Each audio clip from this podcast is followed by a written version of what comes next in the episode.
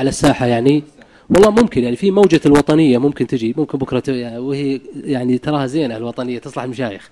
يعني آه، فيها مكتسبات زينة مع الدولة ولا تفشل أحد وإذا قلت ليش؟ قال حب شو اسمه وحبب أوطان الرجال إليهم ومآرب وقضاها الشباب هنالك. وأتوا بمثل هذه النصوص. ممكن والله الموجة ممكن تكون الوطنية موجة آه، آه، يمكن تكون النظريات الاقتصادية وأن القوة هي بالقوة الاقتصادية وليست يعني هي مجرد الحريات. ترى الاشتراكيين أول ما أتت الموجات الاشتراكية انتقدوا الليبرالية يعني ألبرت حوراني كان ينتقد بطرس البستاني ولطفي السيد ومجموعتهم يقول هذول لم يكن لديهم إلا ترديد الحرية الحرية. ما الفائدة من الحرية؟ نريد توزيع الثروة والعدالة الاجتماعية. كانوا يريدون هذه المعاني. فيعني من المحتمل يعني أن تأتينا مثل هذه الأطروحات. أه لو تدهور تدهور المارد الأمريكي وحصل انتصار للصين ممكن يأتينا مذهب جديد قراءة كونفوشيوسية للإسلام أو الياباني قراءة شنتوية للإسلام. فحسب يعني هو حسب صراحة النموذج الثقافي المهيمن سيعاد قراءة الإسلام حسب أي نموذج ثقافي مهيمن. هذا على طول التاريخ.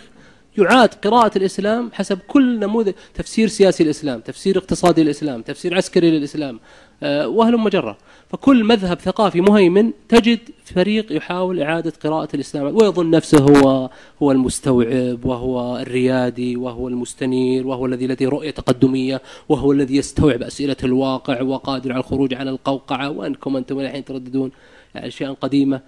برغم أنه هو واقع تحت عبودية ثقافية. يا أخي والله إني بالكاد أبتلع من يحاول أن يطوع النصوص إلى مذهب فقهي متبوع لأحد الأئمة. تريدني أن أبتلع من يطوع النصوص لأجل ثقافة الكافر المهيمن؟ هذه والله غاية الذل ولا ذل وراء هذا الذل. هذا غاية الاستبداد وغاية العبودية وغاية الانصياع والانكسار والانهزام. ويا أخي والله مكبل صاير. مجرد يعني كل عمره يدرس حد الردة ونصوص حد الردة والصحابة والله رأى حقين الحرية ما ينسجم معهم حد الردة.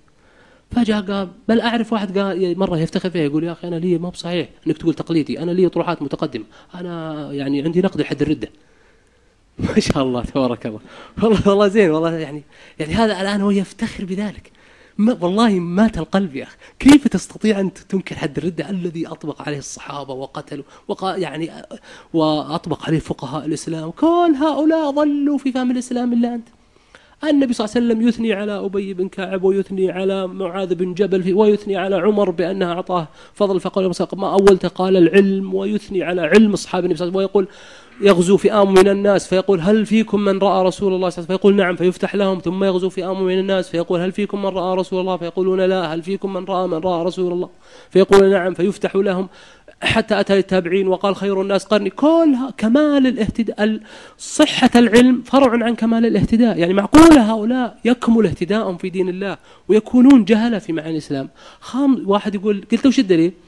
قال أن النبي صلى الله عليه وسلم قال التارك لدينه المفارق الجماعة. فالمفارق الجماعة هذه قيد. يعني 15 قرن ما في واحد تنبه هذا القيد إلا أنت. متى؟ يوم جت الليبرالية اللي ما تبي حد الرد. يعني بالله تريدني أن أصدق أن هذا بحث موضوعي؟ والله قاعد تخدع نفسك. لكن من, من تطبيقات هذه الرؤية وهي أن يجب أن لا ننجرف أيضا في ملاحقة هذه التيارات. من تطبيقاتها أحيانا هناك علاجات ليست هي ترى المقاومة المباشرة. يعني مثلا آه، كنت في فترة تاريخية ما أناقش بعض الشباب مناقشة مباشرة. يعني هو يطرح فكرة خاطئة أنا أحاول أطرح الجواب الشرعي الصحيح. ثم اكتشفت أن في كثير من الأحيان ليست لم تكن المسألة مشكلة علمية فعلا. يعني لم تكن شبهة فعلا يعني والله أزعجته ويريد الدليل. لا. وإنما كان هو حالة ضعف إيماني تدهور إيماني جعله آه، يعني فريسة سهلة لكل الشبهات الممكنة. يعني تجيب على الشبهة اليوم يأتيك بشبهة غدا. أحيانا يصل تشعر فعلا لأمامك لديه مكابرة. الموضوع لم يكن فعلا يعني شبهة وإشكالية علمية. وحتى لو تتبعت في القرآن تجد أكثر الانحراف. أحيانا الله يعرض في القرآن أحيانا الله يعرض أفكار منحرفة ويعرض أصحابها باليوم الآخر. ما جاوب على الشبهة علمية.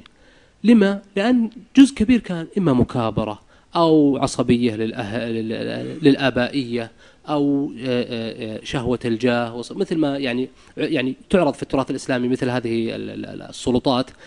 يعني مثلا النبي صلى الله عليه وسلم في سنن الترمذي أشار إلى السلطتين كأن النبي يقول هذه أعظم سلطتان تؤثران على الناس.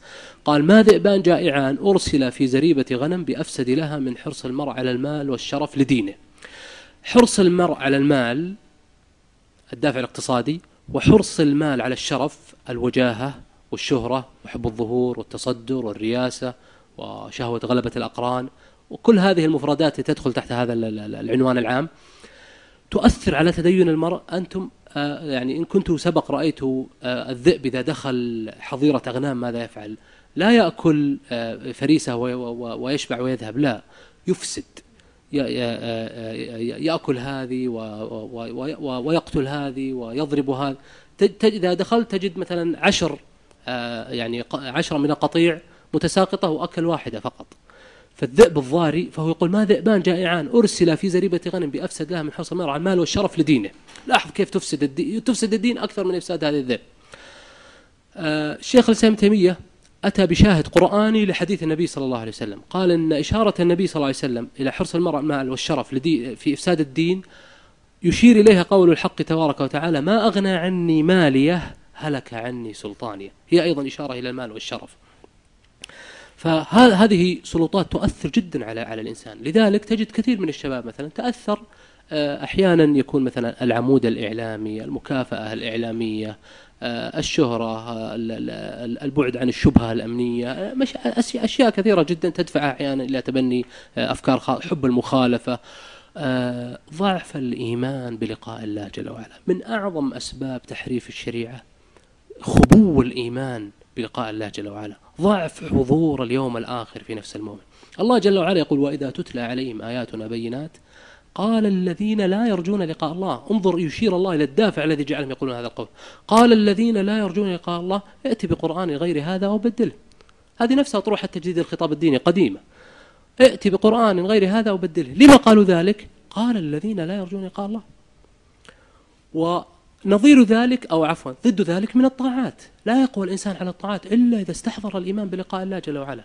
الله جل وعلا يقول استعينوا بالصبر والصلاة وإنها لكبيرة إلا على الخاشعين الذين يظنون أنهم ملاقوا ربهم. سهل عليهم. ليه؟ كمل العلم بلقاء الله جل وعلا في قلوبهم. ونحن مقبلون على الله في ساعة قريبة قادمة. أسراب الجنائز يوميا تمضي إلى المقابر. والإنسان يرى يعني لا يمر أسبوع إلا يقال أحسن الله عزائك في فلان إما قريب وإما صديق.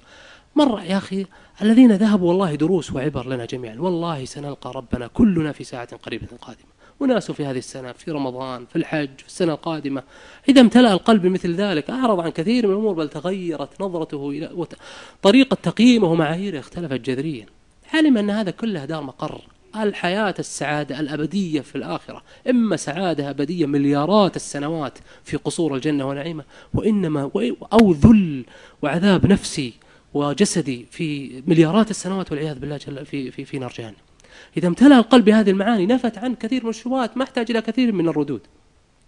ومثل قول الحق تبارك وتعالى فلما جاوزه هو الذين معه قالوا لا طاقة لنا اليوم بجالوت وجنود ضعفوا ضعفوا عن العمل والجهاد قال الذين يظنون أنهم ملاقوا الله كم من فئة قليلة غلبت فئة كثيرة بإذن الله ما صبر إلا من؟ الذين يظنون أنهم ملاقوا الله. فمثل ما ذكر الشيخ جميل أيضا يجب أن لا ننصرف عن مثل ما كان السلف. السلف قاوموا كل هذه المدارس وردوا عليه ولكن أيضا يجب أن لا يجب أن لا ننشغل عن بناء خطابنا الإيماني العلمي الثقافي المتكامل. هذا هو أفضل وسيلة لتحقيق مراد الله جل وعلا ورسوله وحل ولحماية شباب أهل السنة والجماعة الذين مسؤولية في أعناقنا اليوم. يا أيها الذين آمنوا استعينوا بالصبر والصلاة. إن الله مع الصابرين. ولا تقولوا لمن يقتل في سبيل الله أموات بل أحياء ولكن لا تشعرون. ولنبلونكم بشيء من الخوف والجوع ونقص من الأموال. ونقص من الأموال والأنفس والثمرات. وبشر الصابرين وبشر الصابرين الذين إذا أصابتهم مصيبة قالوا الذين إذا أصابتهم مصيبة قالوا إنا لله وإنا إليه راجعون. أولئك عليهم صلوات من ربهم ورحمة وأولئك هم المهتدون. إن الصفا والمروة من شعائر الله. فمن حج البيت أو اعتمر فلا جناح عليه أن يطوف بهما. ومن تطوع خيرا فإن الله شاكر عليم. إن الذين يكتمون ما أنزلنا من البينات والهدى من بعد ما بيناه من بعد ما بيناه للناس في الكتاب. أولئك يلعنهم الله ويلعنهم اللاعنون. إلا الذين تابوا وأصلحوا وبينوا فأولئك فأولئك أتوب عليهم وأنا التواب الرحيم. إن الذين كفروا وماتوا وهم كفار أولئك عليهم لعنة الله أولئك عليهم لعنة الله والملائكة والناس أجمعين خالدين فيها لا يخفف عنهم العذاب ولا هم ينظرون وإلهكم إله واحد لا إله إلا هو. لا إله إلا هو الرحمن الرحيم.